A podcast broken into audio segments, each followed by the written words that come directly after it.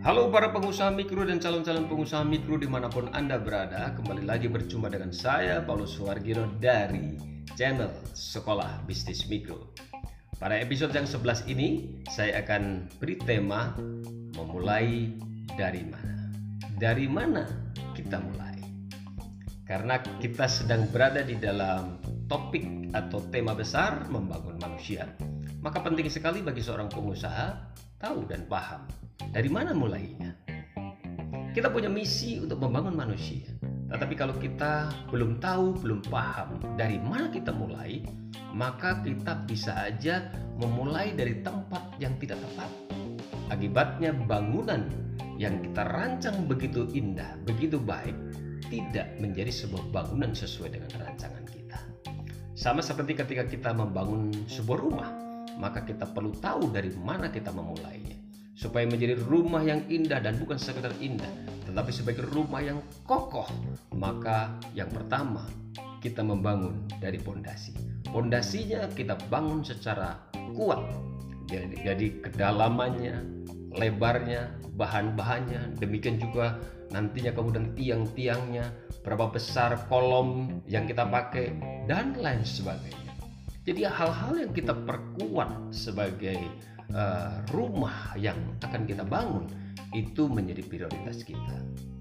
Demikian juga ketika kita hendak membangun manusia, kita perlu tahu dan perlu paham mulai dari mana. Sekali lagi mulai dari mana. Manusia itu bukan berbicara tentang apa yang terlihat berupa sikap, perkataan, dan perbuatan karena apa yang terlihat itu berasal dari apa yang tidak terlihat, yaitu berasal dari dalam diri manusia. Itu sebab kalau kita ingin membangun manusia, maka kita perlu memulainya dari apa yang ada di dalam. Apa itu yang ada di dalam?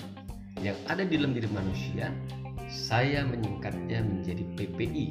PPI adalah singkatan dari perasaan, paradigma, dan imajinasi kita perlu memastikan apakah anggota tim kita memiliki perasaan-perasaan positif, paradigma-paradigma yang benar, dan juga imajinasi-imajinasi yang membangun ketika mereka berada di tengah-tengah bisnis yang kita kelola atau suatu saat yang mereka akan kelola sendiri.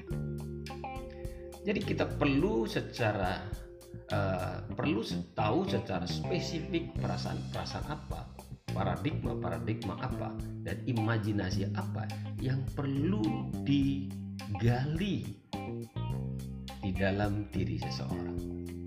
Sebagai contoh, apakah seorang yang kita mau bina, kita latih, dan kita lengkapi, mereka punya perasaan senang.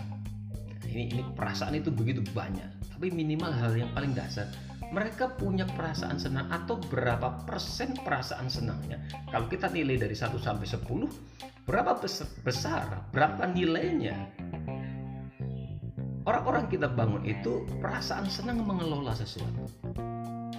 Bisnis itu kan bukan berbicara tentang satu hal tapi bisnis berbicara tentang rantai layanan yang begitu banyak. Ada proses yang begitu banyak. Nah, ketika kita membina, melatih, dan memperlengkapi orang-orang di tengah kita, maka kita perlu tahu apakah mereka cukup senang, apakah mereka sangat senang, atau jangan-jangan mereka nilai kesukaan mengelola dari A sampai Z itu nilai rendah. Lalu mereka punya paradigma apa? Apakah mengelola sebuah bisnis adalah sebuah kesempatan untuk mereka mengembangkan diri atau mengelola sebuah bisnis itu adalah sebuah kenyataan yang mereka harus lakukan karena mereka butuh uang atau imajinasi mereka oh aku diajari aku dididik aku dilatih seperti ini adalah supaya ownernya enak-enak sementara saya tidak enak kita perlu gali, kita perlu ketahui apa yang, ada di dalam diri mereka. Nah, tugas kita sebagai seorang pengusaha adalah menolong mereka mengalami sebuah terobosan dari PPI-PPI yang tidak semestinya kepada PPI-PPI yang positif, kepada PPI-PPI yang benar, kepada PPI-PPI yang membangun hidupnya dan membangun apa yang mereka sedang kerjakan.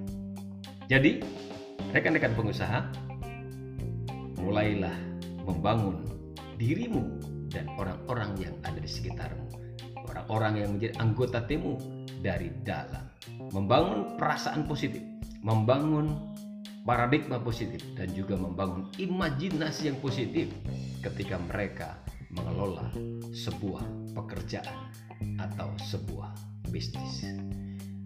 Semoga bermanfaat apa yang saya sharingkan ini. Semoga menginspirasi, tetap semangat belajar, dan salam maksimal.